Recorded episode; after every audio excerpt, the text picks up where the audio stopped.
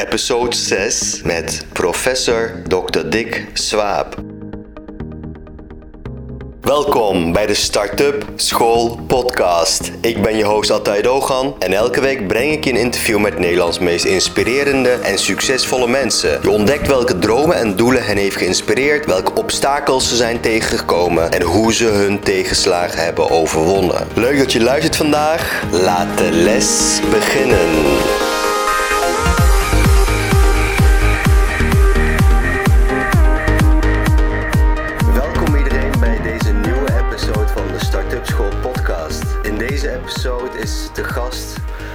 Professor Dr. Dick Swaap. Welkom. Bedankt. Erg leuk om u te mogen interviewen zo. Eh, we zitten hier in uw werkomgeving bij eh, de Nederlandse Herseninstituut. Aan het AMC. Ja. Oké, super. En u leidt hier een onderzoeksgroep, klopt dat? Ja, ik ben 30 jaar lang directeur geweest van het instituut. En na mijn 65 hebben ze me gevraagd om door te gaan met mijn eigen onderzoeksgroep. En ik zie dus nu alle problemen zie ik langs mijn deur komen. Ja. Die komen niet meer binnen. Dus alle personele problemen en de financiële problemen en de ruimtes en het eh, knokken om van alles. Dat hoef ik niet meer te doen. Dat, eh, U houdt zich met de echte zaak bezig. ja, met de dingen die me interesseren. Ja. En daarnaast bent u ook heel vaak eh, in China, las ik. Ja, ik ben er ook hoogleraar, Ja. dus daar heb ik een positie aan Zhejiang University in Hangzhou. Mhm. Ik werk al zo'n 20 jaar in eh, China. Ik heb de hele boom van binnenuit meegemaakt, dat is interessant. Wauw. Ja. Veel aan het ontwikkelen ook op dat gebied. ja, ik geef er colleges en ik heb er eh, promovendi die een deel van hun werk in China doen. Vier van mijn vroegere eh, promovendi Chinezen zijn eh, hoogleraar geworden in China. En ik werk op dagelijkse basis met ze samen. En eh, die promovendi die doen een stuk van een onderzoek bij hun. Ze hebben een aantal dingen waar ze beter in zijn dan ik. En dan komen ze een paar jaar bij mij werken op menselijk materiaal, waar wij beter in zijn dan zij. En ik ben gevraagd om ook te helpen om een netwerk van Chinese hersenbanken op te zetten. Eh, ik geef daar lezingen en eh, nou ja, van alles. Dus, eh, In het Chinees? nee, absoluut niet. Dat nee, niet? Nee, nee, dat is veel te moeilijk voor mij. Oké. Nee, nee. Ehm, mijn onderzoek naar uw achtergrond bij een televisieprogramma van Jinek, waar u te gast was. En zij vroeg aan u van welke vraag wordt u helemaal gek? En u zei van kinderen die me mailen voor hun spreekbeurt of scriptie en dan vragen of ik wat kan vertellen over hoe de hersenen werken. Ja, meestal gaat het zo dat ze dan een mail sturen en zeggen: Volgende week moet ik een werkbespreking houden, zoiets. En, eh, kunt u me vertellen hoe de hersenen werken? En op basis daarvan heb ik een kinderboekversie gemaakt van Wij zijn ons brein met eh, eh, Jan-Paul Schutte samen. En ja, dat, dat is bedoeld voor al die kinderen die dan zo'n spreekbeurt hebben. En daar kunnen ze hun informatie uithalen. Ja. Want ik heb gewoon niet de tijd om al die dingen te bespreken. Maar wat fijn ook, want dit is wel een onderdeel dat in ons onderwijssysteem niet wordt geleerd, hè? terwijl het zo belangrijk is. Ja, ik heb eh, een paar weken geleden heb ik op verzoek van de gemeente Amstelveen heb ik een eh, lezing gehouden eh, in, in Amstelveen in het theater voor eh, 600 kinderen uit Amstelveense scholen. En het was fantastisch, het was erg leuk, Ja. over het hersenonderzoek. Ja. Goede vragen, het was een leuke discussie. Ja. Wat voor vragen krijg je dan? Gekke vragen. Nou, bijvoorbeeld wat de opslagcapaciteit is van de hersenen. Hoeveel gigabyte? Ja, ja, ja, dat soort dingen. Ja. Wat Ik heb grappig. uitgelegd dat opslag niet het probleem is. Het probleem is om het erin te krijgen en weer eruit te krijgen. Oh ja. ja. Nou, ik zou zeggen eh, tegen onze luisteraars, eh, lees, eh, want die antwoord krijg je hier niet, hoe, ze, hoe de hersenen werken. Lees de boeken Wij zijn ons brein en ons creatieve brein. ja, en het kinderboek Jij bent je brein. Dat, ja. Om mee te beginnen misschien. Ja, ja, sommige mensen beginnen er inderdaad mee. Dat kan verstandig zijn. Super.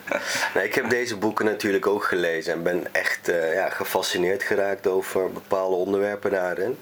Maar u vertelt het ook zo nuchter en met humor ook. Is het voor u ook zo'n nuchtere verhaal geworden, ons brein? Nou ja, je moet het natuurlijk een beetje aantrekkelijk maken om, eh, om te lezen. En ik schrijf eh, veel wetenschappelijk werk. En dus achter me zie je die bruine boeken. Eh, Ja. dat, dat is een serie waar ik een editor van ben. En we hebben 60 boeken over de neurologie eh, uitgebracht. Eh, en mijn publicaties, eh, al die dingen zijn niet te lezen. Maar dit is de brug naar het naar het publiek. Ja. En ik vind het heel belangrijk om het publiek wat over hersenen te vertellen. Eh, omdat eh, als je realiseert hoe complex het is, hoe ingewikkeld de hersenontwikkeling is, eh, dan ben je verbaasd dat het soms toch redelijk goed gaat. En je bent helemaal niet verbaasd dat het in een behoorlijk percentage van de gevallen tegen zit. En dat leidt tot geestelijke achterstand of tot psychiatrische problemen. En er is een enorm taboe op psychiatrie nog, nog steeds mensen die problemen hebben, die vertellen dat niet. En als illustratie, Iris Sommer is een uh, hoogleraar neurologie in, in Utrecht. En zij heeft een boek gepubliceerd over een serie neurologische en psychiatrische ziektebeelden. En uh, ze uh, vroeg de mensen die uh, hun verhaal hadden gedaan, ze legde uit wat de achtergrond daarvan was, of ze in konden met hun eigen naam. En die neurologische patiënten zijn allemaal ingekomen met hun eigen naam. Psychiatrische patiënten geen van allen. Die wouden niet dat hun naam bekend werd. Want hun familie wist het niet, of hun baas wist het niet. Dat is taboe. En dat, dat taboe en dat stigma wat, wat op uh, de hele omgeving komt ook, is, uh, is gevaarlijk. In China bijvoorbeeld, uh, als je kijkt naar de formele statistieken, is China heel gezond. We hebben maar een derde van onze depressies. Maar dat komt omdat het laatste wat iemand in China zal doen, is naar een psychiater gaan en antidepressiva krijgen. Want uh, dat geeft een stigma op de hele familie. En kinderen kunnen niet meer trouwen. Dat, dat geeft zoveel ellende dat ze het niet doen. En dat leidt tot driemaal meer zelfmoorden dan er hier in het Westen zijn. Dus het is heel belangrijk om dat taboe te doorbreken. Ook in Nederland is dat taboe nog steeds aanwezig. En dat is een van de redenen om die uh, publieksboeken te schrijven. Ja. Nou, de eerste keer dat ik zelf met de werking van uh, het brein in aanraking kwam was toen ik een jaar 25 was. Ik uh, ja, zocht wat over psychologie op internet en kwam ook bij een YouTube filmpje wat ging over hoe dingen worden geprojecteerd via de ogen. Ja. En dat dat een signaal is vanuit de achterkant van je hersenen. Dus dat je wordt geconfronteerd met hoe de werkelijkheid in je brein wordt gecreëerd. Het schijnt dat heel veel mensen hier last van hebben.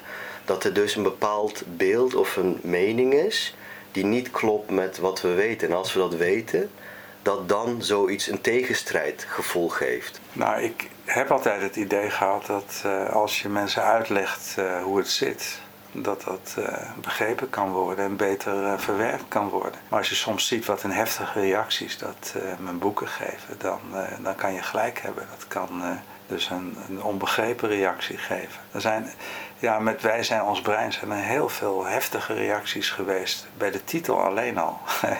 dus ik denk dat mensen uh, niet eens het boek geopend hebben, maar begonnen al uh, af te geven op het boek.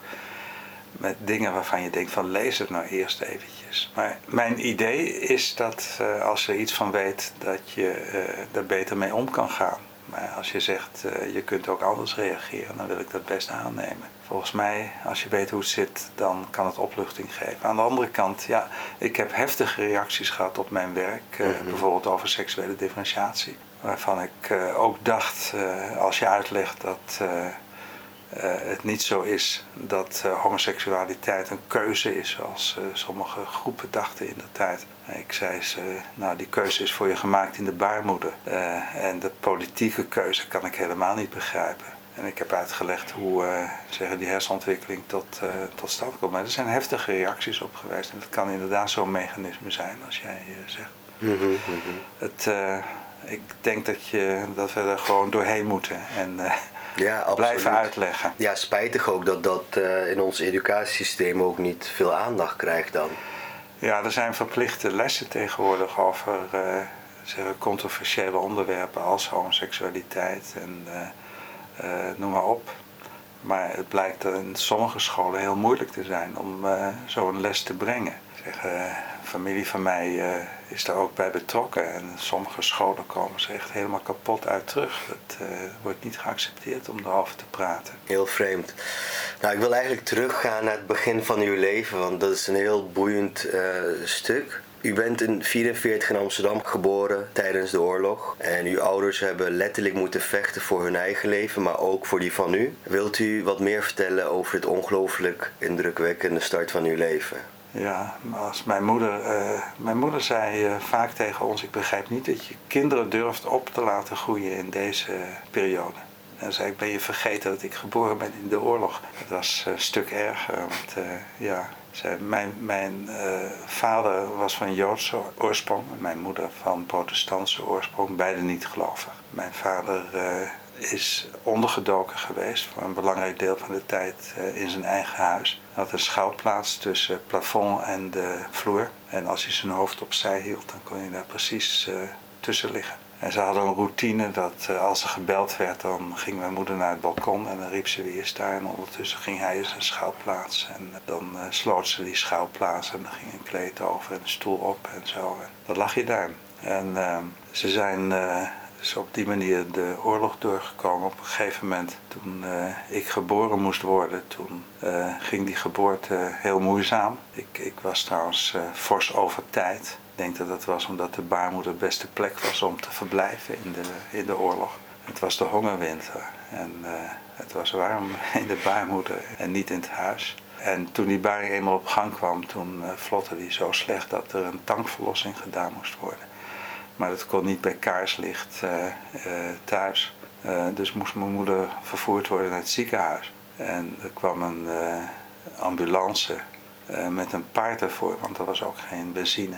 En dat paard was uh, een paard geweest van uh, een of andere beschuitfirma, Heugst of zo. Die gewend was om voor iedere, uh, iedere winkel te stoppen. En dat deed hij ook met die ziekenwagen. En zo is mijn moeder dus naar de kliniek gebracht. En ben ik geboren met een tangverlossing. En toen is mijn, mijn moeder heeft toen een boterham gekregen. Dat kreeg iedereen in de hongerwinter die een kind ter wereld bracht. één boterham. En dat heeft ze meegenomen meteen naar huis van mijn vader, die nog steeds in die schouwplaats lag. Dus ze wou meteen weer terug. Eh, dus dat is de start geweest. Maar ik heb geluk gehad in de zin dat uh, ik geboren ben in de hongerwinter.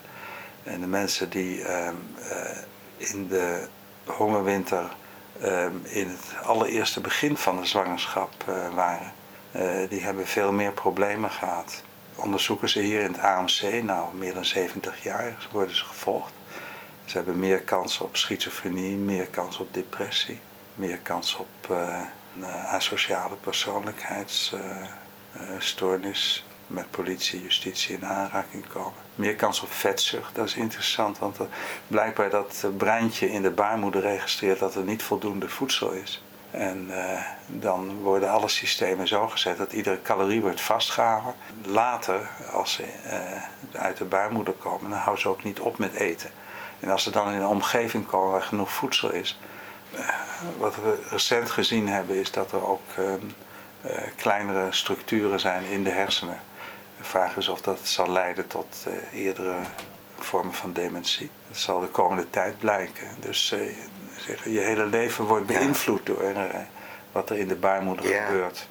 En dan kom ik eigenlijk bij die vraag: ehm, kunt u vertellen over de ervaringen die wij als mens in de baarmoeder hebben meegemaakt, effect heeft op ons latere leven. U noemde net een paar.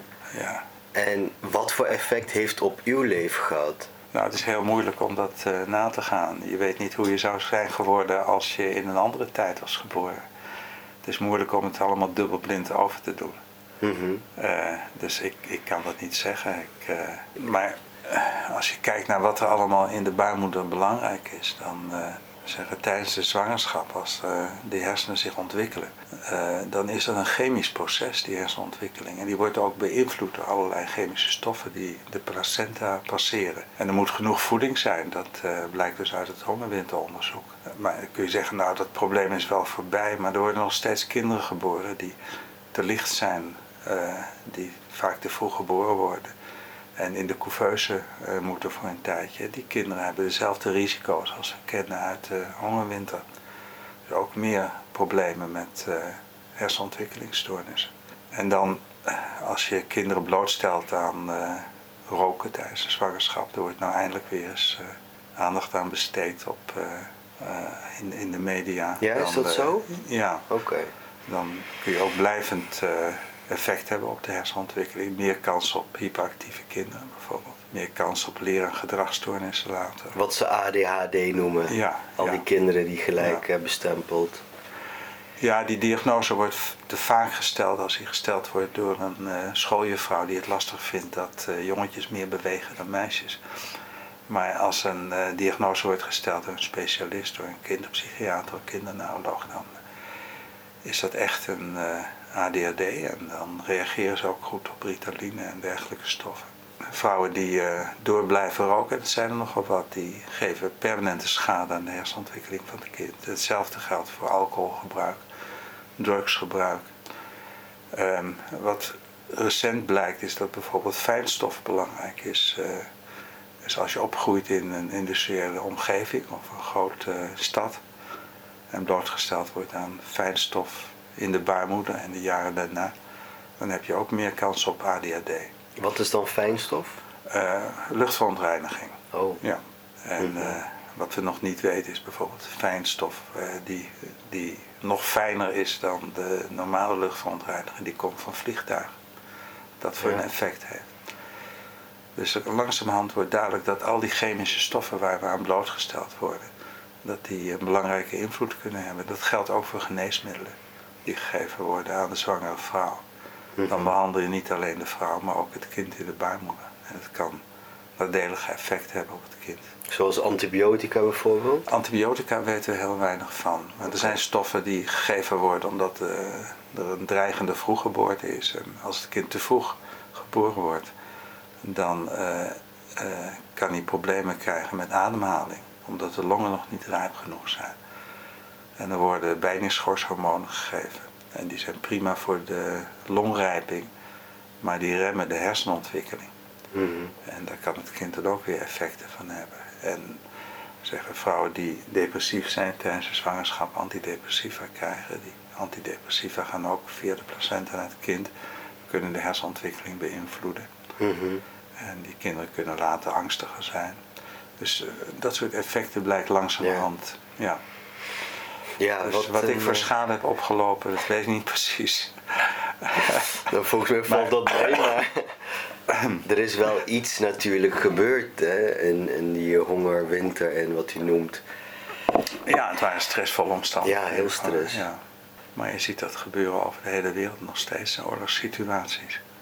Mm Ja, heel interessant. Um, Waar ik ook erg in, eh, benieuwd naar ben, is uh, welke dromen en doelen hebben u in uw 20, 30 jaren u geïnspireerd om te doen wat u nu doet? Nou, mijn dromen zijn altijd nachtmerries, dus ik weet niet of je daar ja. belangstelling voor hebt.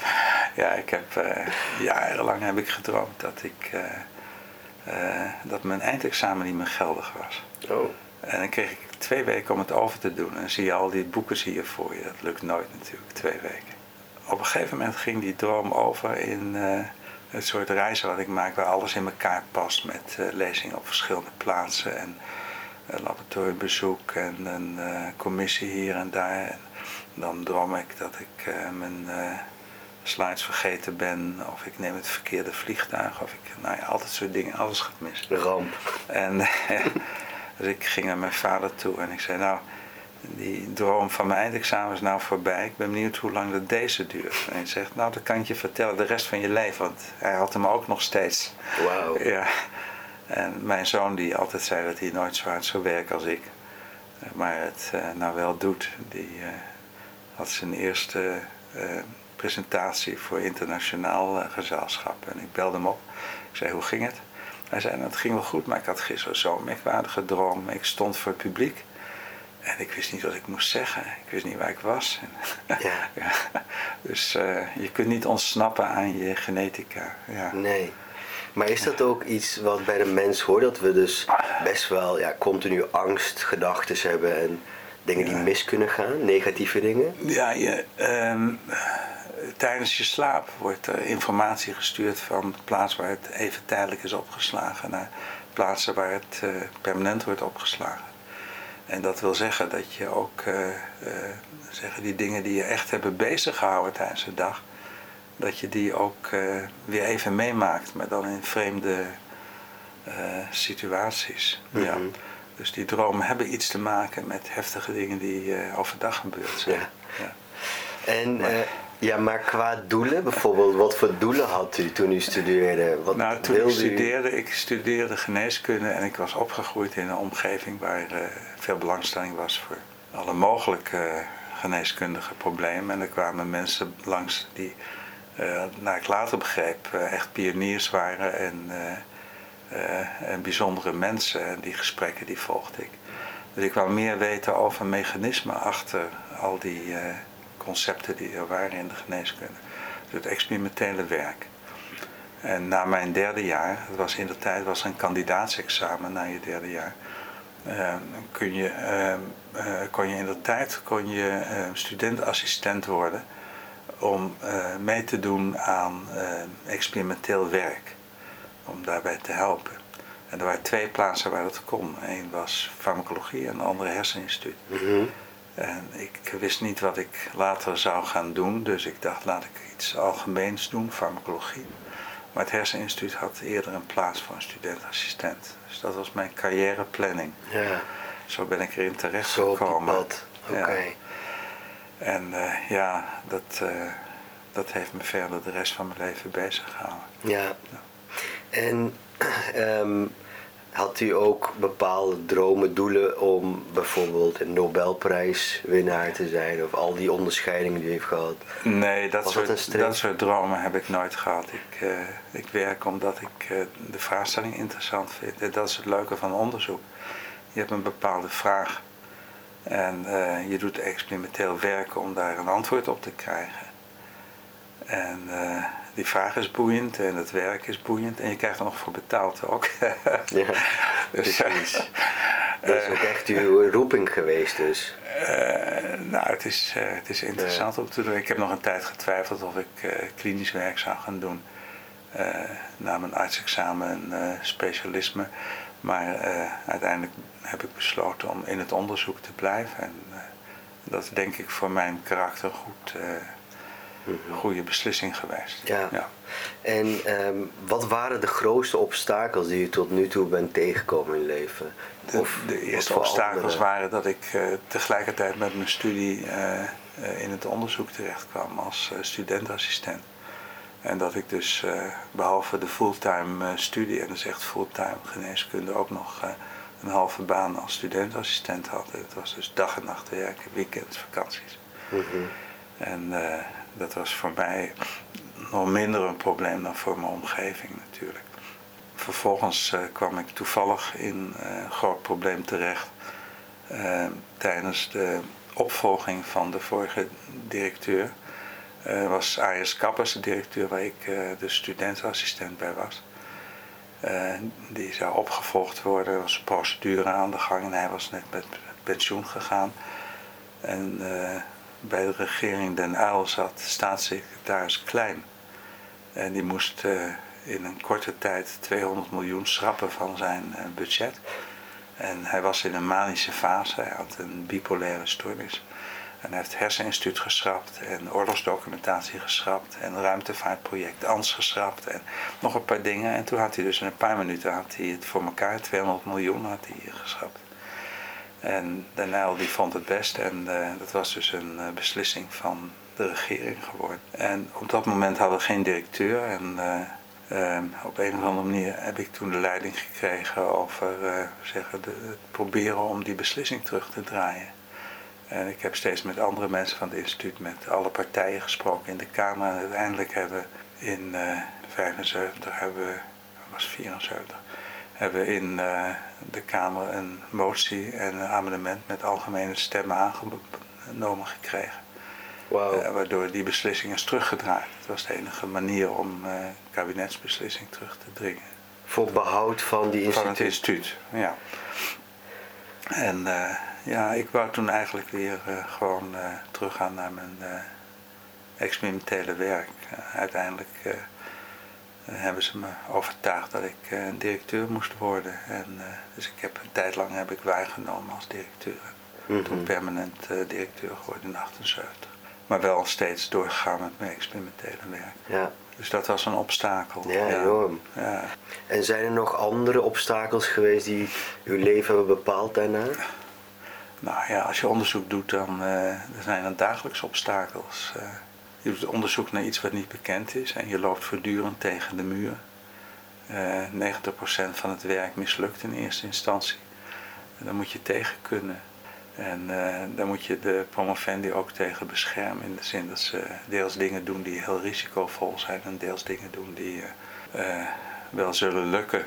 zodat ze niet voorkomen de mist ingaan. Maar ja, je hebt voortdurend problemen die zeggen, op, op, technische, op het technische vlak liggen. En, dat geeft natuurlijk problemen ook voor de mensen die afhankelijk zijn voor hun carrière van het onderzoek. Ja. En, ja. en dan iedere vijf jaar wordt zo'n instituut geëvalueerd. En er wordt gekeken uh, wie er toponderzoek doet en wie niet. En wie niet, die gaat eruit. Dus dat is ook een voortdurende strijd. Mhm, mhm. ja.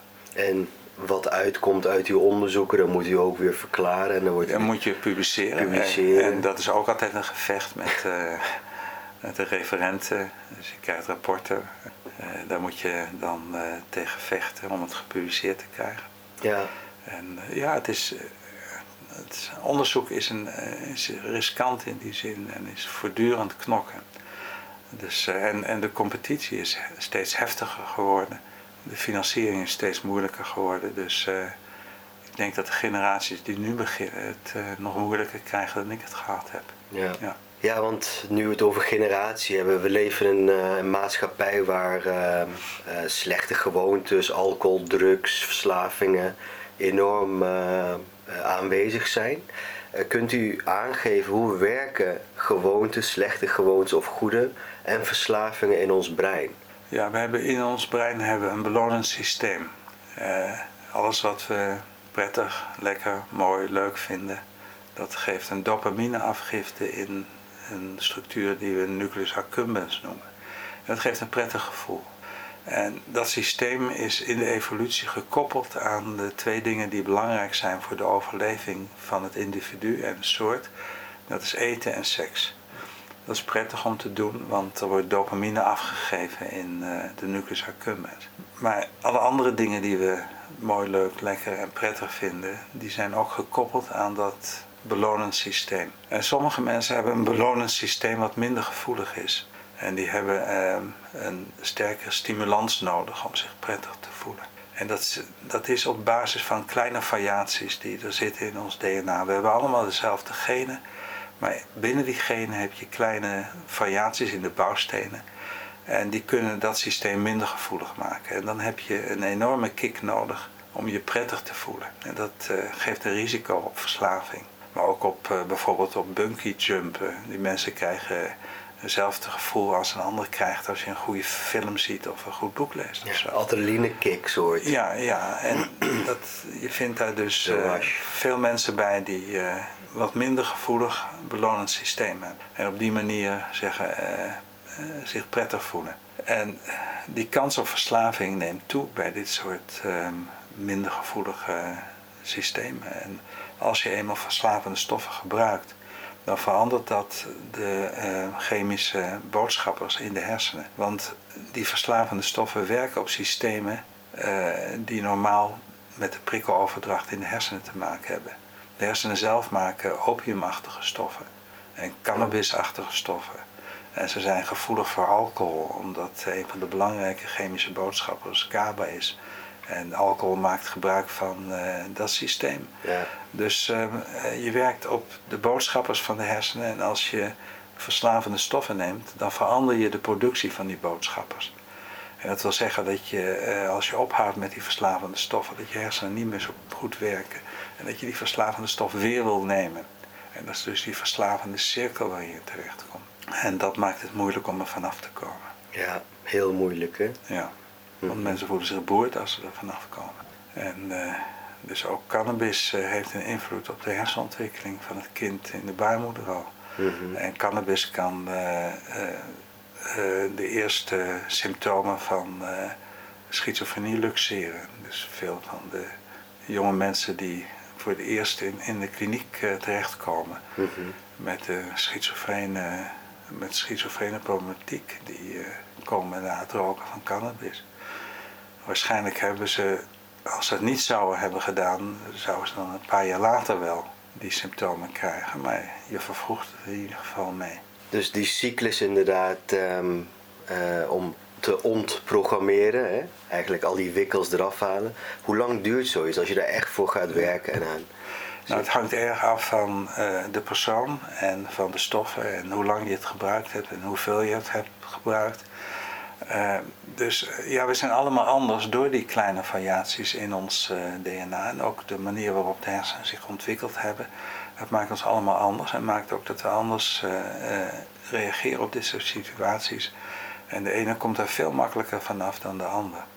Mm -hmm. um, dus er zijn geen algemene regels voor te geven. Het is allemaal individueel verschillend. Ja. We zijn allemaal anders. Het is helemaal niet uniek om uniek te zijn. We zijn allemaal uniek. Mhm. En uh, zelfs als je dezelfde genetische achtergrond hebt, dus één eigen tweelingen, dan nog uh, is duidelijk vanaf de eerste paar maanden al dat die kinderen een ander karakter hebben. De ene is veel meer geconcentreerd op de omgeving dan de andere. De ene huilt meer dan de andere. En dat Mhm. vertellen de ouders ook. Ze lijken wel sprekend op elkaar, maar ze zijn anders. En het meest extreme voorbeeld dat ik altijd geef is een uh, Siamese tweeling in de Verenigde Staten die één lichaam en twee hoofden hebben. En uh, die twee meisjes die vertellen ook aan het eind van uh, de filmpjes die erover zijn, we zijn twee heel verschillende mensen. Ja. En dat komt omdat uh, die hersenontwikkeling zo complex is dat het niet geprogrammeerd kan worden op basis van ons DNA alleen. En de hersenen zoeken in de ontwikkeling uh, naar de beste contacten op een lokale basis. Dat gebeurt allemaal lokaal, niet geprogrammeerd vanuit het DNA en niet gestuurd vanuit bepaalde hersengebieden. En daardoor wordt ieder brein wordt anders. Wauw. Ook als je dezelfde genetische achtergrond hebt. Dus we zijn allemaal anders. Ja. En, um, want uh, u gaf net ook aan, hè, we krijgen van onze ouders ook wat karaktereigenschappen mee. Hoeveel procent krijgt een kind de karaktereigenschappen van een vader en hoeveel van een moeder mee? Nou, je krijgt van je vader en van je moeder uh, één helft van je uh, DNA. En uh, als je kijkt naar de chromosomen, dan hebben we dus één streng van de vader en één streng van de moeder. Mm -hmm. um, maar dan wordt er aanselect, dus um, op basis van toeval op de meeste plaatsen, wordt of de moederlijke kant of de vaderlijke kant afgesloten. Um, en dat geeft je een nieuw mengsel van, uh, van genen.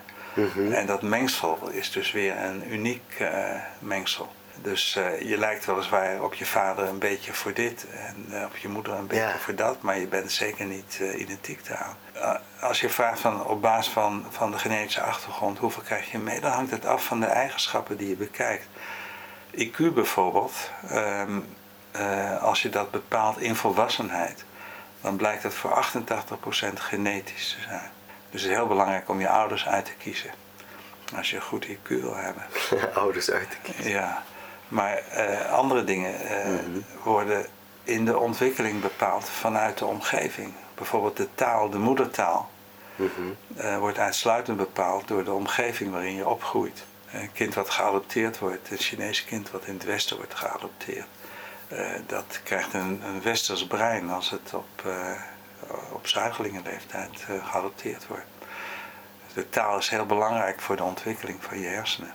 Uh, dat bepaalt dus uh, uh, ook weer voor een deel de grootte Mhm. van structuren en de, de verbinding tussen structuren. Ja. En je krijgt door je vroege ontwikkeling een bepaald brein. En als je dan later een taal probeert te spreken, dan is het met een accent, omdat het brein gestructureerd is voor een bepaalde taal. Nou, dit zal denk ik de ruzies thuis bij ouders voorkomen of wat verminderen. Want je hoort dat vader en moeder zeggen: nee, die positieve eigenschap is van mij, die negatieve van jou. Ja, ja. Nou, dat, dus het is natural is, selection. Het is, uh, voor een deel is het zo natuurlijk. Je kunt wel ja. uh, eigenschappen zien bij je ouders, maar het, uh, het is nooit identiek. Het is altijd weer anders. En ja. over die taal, het is ook wel interessant dat mm-hmm. die taal een enorme stimulans is voor het brein. Dus als de kinderen een, een taalachterstand hebben, dan hebben ze ook een hersenontwikkelingsachterstand. En omgekeerd, als je opgroeit in een gezin waar de vader en de moeder een andere taal met het kind spreken. Dus als je tweetalig opgroeit vanaf uh, zuigelingenleeftijd, dan krijgt het brein een extra stimulans. En uh, dan uh, krijgt het kind later vijf jaar later de ziekte van Alzheimer in vergelijking met de rest van de populatie. Door de extra reserve die je krijgt. Uh, Wauw, daar zijn dus, onderzoeken naar gedaan. Ja, ook echt. ja, ja, er zijn vijf uh, onderzoeken naar gedaan nu. Dus en meertaligheid geeft een extra reserve in het brein, En zorgt dat je beter tegen het verouderingsproces kan. En je Mhm. krijgt later Alzheimer. Ja, dus we moeten gewoon veel meer talen spreken thuis. Ja, dat kun je tegen Wilders zeggen. Ja, precies. Mijn ene laatste vraag voor u. Dat gaat een beetje ook over dat we de laatste jaren, er is een enorme belangstelling voor psychologie en neurologie van de mens. Eh, invloedrijke corporates en merken hun producten slim kunnen ontwikkelen en vermarkten. Bijvoorbeeld als je langs de A4 rijdt en je ziet een dikke hamburger afgebeeld op een enorme billboard, dan krijg je gewoon aanzet tot eten, gevoel. Jij wel, ja. nou, ik gelukkig niet meer, maar heel veel mensen wel. Ja, ja. En, ja. eh, maar hoe kunnen we ons eh, tegen dit soort manipulatie beschermen? Nou, in principe niet. Je bent gevoelig voor die dingen. En er is een, een hele nieuwe eh, richting aan het ontstaan in, in het neuroonderzoek die gebruik maakt van deze technieken. En je kunt mensen, eh, zoals altijd is gedaan, eh, een vragenlijst voorleggen en dan advertenties laten zien en kijken waar ze het best op reageren. Ja. Maar dan geven ze je een antwoord waarvan ze denken dat je dat eh, prettig vindt. Maar je kunt ze ook in een scan leggen en dan de activiteit in dat belonend systeem meten. En dan krijg je een objectieve maat voor eh, of iemand iets mooi vindt of eh, eh, minder mooi vindt. En je kunt dus op die manier kun je advertenties selecteren waar mensen het meest gevoelig voor zijn. En dat gebeurt steeds meer. Dus er wordt, worden moderne neurobiologische technieken gebruikt om na te gaan hoe je het beste mensen kan beïnvloeden. Mhm. En dat is niet tegen te houden, denk ik.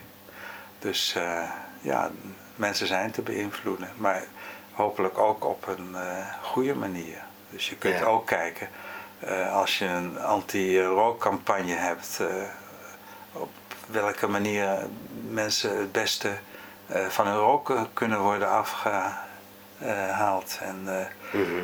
er zijn ook mensen te selecteren die op de ene therapie wel reageren en de andere therapie niet op die manier in de scan. Dus eh, het kan, zoals met alles, het kan goed gebruikt worden en slecht gebruikt worden. Ja, Maar eh, dat zijn technieken die, eh, die niet tegen te houden zijn. En diezelfde technieken die worden ook gebruikt de komende periode in, in de rechtszaal. Je kunt laten zien dat mensen hersenontwikkelingsstoornissen hebben die voor een delict bij de rechter komen. En de vraag is wat je daarmee doet. Ehm, als je in de gevangenis komt, dan blijkt 90% van de gevangenen psychiatrische problematiek te hebben. Ze worden wel gestraft, maar ze worden niet behandeld. Of niet op de juiste manier behandeld. En eh, dat zijn allemaal dingen waar we meer rekening mee moeten houden. Ook de soort straffen die gegeven worden. Mhm. Dus al die, zeggen, de, de neurobiologie is aan het doordringen in al die disciplines. ja. Van adverteren tot en met onze eh, rechtsprocedure. Ja, ja. En er komt ook steeds meer belangstelling voor. eh, ze organiseren nu ook eh, cursussen voor advocaten en rechters die meer willen weten over de hersenwetenschappen. Omdat ze daar in feite dagelijks mee te maken hebben zonder dat ze zich dat beseffen. Ja, precies. Want ik las ook ergens of u zei van eh, de grootste psychopaten zitten in de top van het bedrijfsleven. Ja, ja, die zijn, eh, eh, ze zijn heel bruikbaar in, op zo'n plek wanneer de grote reorganisaties moeten worden doorgevoerd. Als je 3000 man moet ontslaan, Mhm. dan moet je niet iemand hebben die heel veel empathie heeft met diegenen die ontslagen worden. Dus je moet juist iemand hebben die recht op zijn doel afgaat en ongevoelig is voor eh, alle eh, bijwerkingen die die maatregelen hebben. En die me- mensen doen het dan zo goed dat ze in de boord worden opgenomen van een groot bedrijf ja, of van een bank. En eh, daar doorgaan met wat belangrijk is voor hunzelf. En zich niks aantrekken van de gevolgen die dat voor anderen heeft. En Mhm. kunnen dan grote schade aanrichten. En ja, het is een algemeen punt natuurlijk dat je eh, ziet dat alle mensen anders zijn. En eh, dat je probeert om een baan te vinden die past eh, op de manier waarop je hersenen zich ontwikkeld hebben. daar voel je je prettig bij. En, Zit daar dan ook je talent gelijk? Ja, je wordt geboren met niet alleen met bepaalde talenten, maar ook met bepaalde beperkingen. En je moet zien uit te vinden hoe dat zit. dan merk je wel wat je prettig vindt en waar je goed in bent. En daar moet je in verder gaan. Dan heb je een plezierig leven. Mhm. Maar er zijn natuurlijk ook mensen die een hersenontwikkelingsstoornis hebben uh, en dan doorgaan uh, in de, zeg, op de manier waarop ze zich prettig voelen in die hersenontwikkelingsstoornis. En in het criminele circuit terechtkomen. Dus eigenlijk goed en kwaad is voor u vak, bestaat dat niet? Of? Nee, dat is een, uh, zeg, een label wat je heel moeilijk op iemand kan plakken. Uh, stel dat een kind uh, veel aanleg heeft voor, dus genetisch voor ADHD, voor hyperactiviteit. En uh, de placenta van de moeder doet het niet zo goed en ze rookt ook nog tijdens de zwangerschap. Al die factoren bij elkaar leiden tot forse ADHD. En dat zijn kinderen die heel slecht hun impulsen kunnen beheersen. En die komen veel meer in aanraking met politie en justitie. Maar wie heeft dan de schuld? Ja. En uh, dus uh, je moet kijken naar, naar de achtergrond van mensen en uh, ook kijken naar de beste manier waarop je ze duidelijk kan maken dat dat niet acceptabel is wat ze doen. Want als ik dit soort dingen vertel, dan denken mensen dat ik tegen straffen ben, maar het is niet zo. Want we leven in een hele complexe maatschappij, we zijn sociale dieren en we moeten ons aan regels houden, anders kan zo'n maatschappij niet functioneren.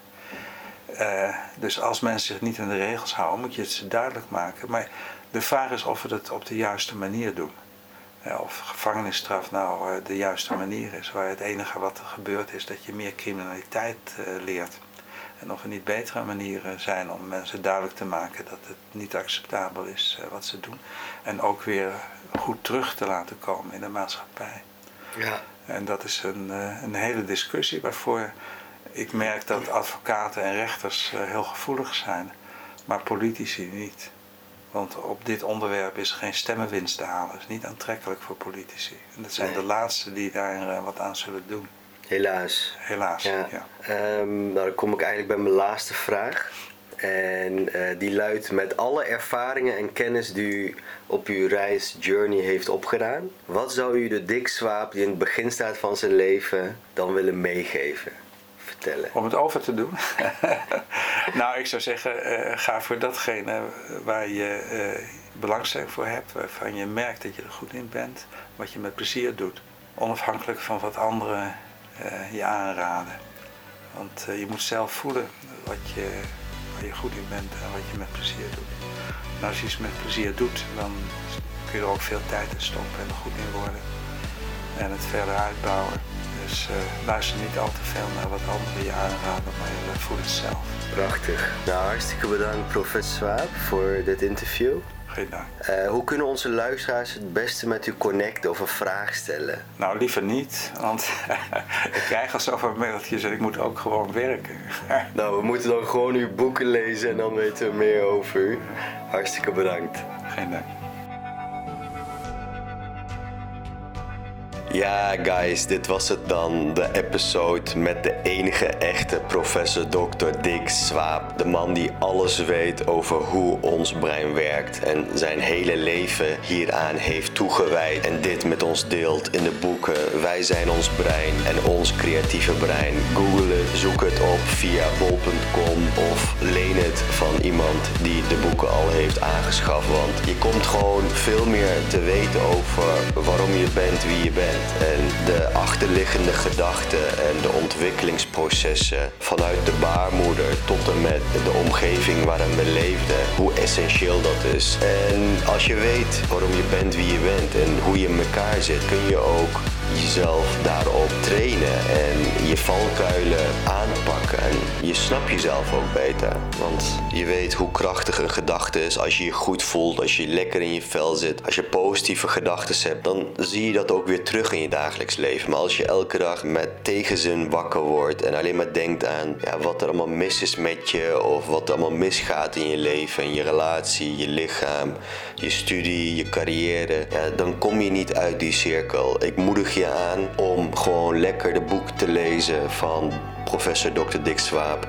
Je verdiept in jezelf. Deel alsjeblieft deze episode met je vrienden, netwerk, je familie. Iedereen zou het eigenlijk moeten horen, want het is enorm waardevol. En ik hoop dat het je inspireert en activeert om aan de slag te gaan. Check ook SoundCloud en iTunes. Abonneer je op uh, onze podcast. Take care en ik spreek je snel.